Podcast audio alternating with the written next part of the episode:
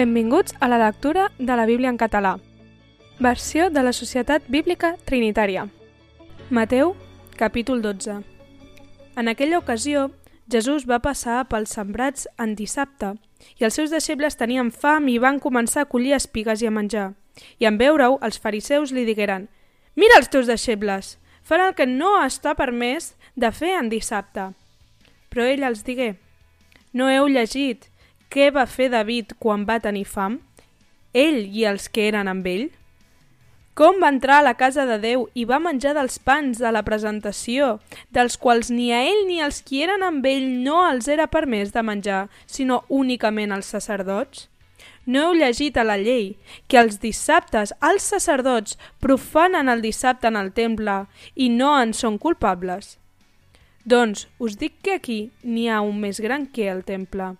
I si haguéssiu comprès què significa vull misericòrdia i no sacrifici, no hauríeu condemnat els innocents.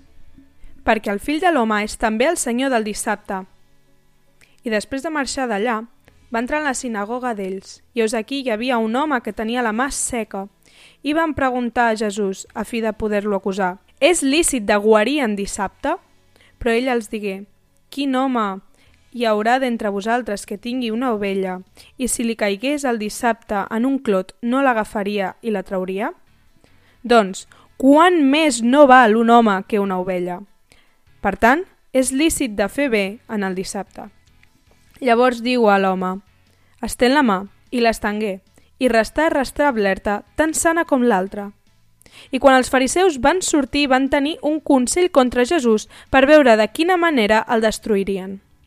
I Jesús, sabent-ho, es va retirar d'allí, i el seguiren grans multituds i els va guarir tots i els va manar que no el descobrissin, a fi que es complís el que havia estat dit pel profeta Isaías quan digué «Eus aquí, el meu servent que ha elegit, el meu estimat, en qui s'ha complegut la meva ànima, posaré el meu esperit sobre ell i anunciarà el judici als gentils. No contendirà ni cridarà, ni sentirà ningú la seva veu pels carrers. No trencarà la canya esbarlada i no apagarà el ble fumejat, fins que porti el judici a la victòria, i en el seu nom esperaran els gentils. Llavors li van portar a un endemoniat, sec i mut, i el va guarir de manera que el sec i mut parlava i veia. I totes les multituds estaven admirades i deien «No deu ser aquest el fill de David?»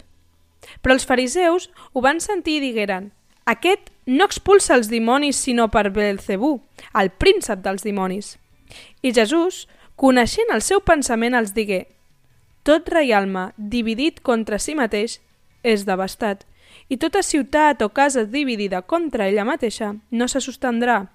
I si Satanàs expulsa Satanàs, està dividit contra ell mateix. Com es podrà sostenir el seu reialme? I si jo expulso els dimonis per Belcebú, per qui els expulsen els vostres fills? Per això, ells seran els vostres jutges. Però si jo expulso els dimonis per l'esperit de Déu, certament el regne de Déu ha arribat a vosaltres. O com pot entrar algú a la casa de l'home fort i sacsejar-li els béns si primer no ha lligat l'home fort? I llavors li podrà sacsejar la casa. Qui no és amb mi és contra mi, i qui no recull amb mi escampa. Per això us dic, tot pecador i tota blasfèmia seran perdonats als homes, però la blasfèmia contra l'esperit no serà perdonada als homes. I el qui digui una paraula contra el fill de l'home li serà perdonat, però el qui parli contra l'Esperit Sant no li serà perdonat ni en aquest temps ni en el que vindrà. O feu l'arbre bo i el seu fruit bo, o feu l'arbre dolent i el seu fruit dolent, perquè l'arbre es coneix pel fruit. Cria d'escurçons. Com podeu parlar coses bones essent dolents? Perquè de l'abundància del cor la boca en parla. L'home bo, del bon tresor del cor, en treu coses bones i l'home dolent del mal tresor en treu coses dolentes. I us dic que de tota paraula inútil que diguin els homes, n'hauran de donar compte en el dia del judici. Perquè per les teves paraules seràs justificat i per les teves paraules seràs condemnat. Llavors respongueren algun dels escribes i fariseus, dient, Mestre, volem veure un senyal de tu. Ell respongué i els hi digué, Una generació dolenta i adúltera demana un senyal i no li serà donat cap altre senyal que el senyal del profeta Jonàs. Perquè així com Jonàs va estar en el ventre del gran peix durant tres dies i tres nits, així el fill de l'home estarà en el cor de la terra tres dies i tres nits. Els homes de Nínive s'alçaren en el judici amb aquesta generació i la condemnaran, perquè ells es van penedir d'acord amb la predicació de Jonàs. I mireu, Aquí n'hi ha un més gran que Jonàs.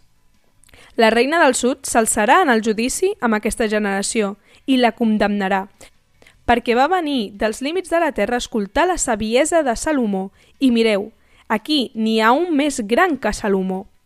I quan l'esperit impur ha sortit de l'home, venga per llocs àrids, cercant repòs, i no en troba. Llavors diu, tornaré a casa meva, d'on he sortit, i quan hi arribi la troba desocupada, escombrada i endreçada.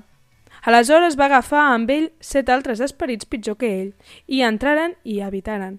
I la condició darrere d'aquest home esdevingué pitjor que la primera.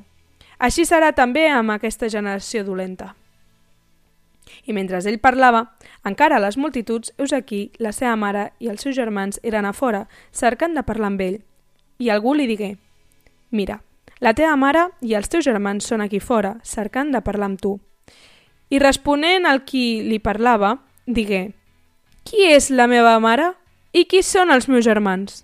I va estendre la mà vers els seus deixebles i digué, Eus aquí, la meva mare i els meus germans, perquè aquell que faci la voluntat del meu pare és en els cels. Aquest és el meu germà i germana i mare.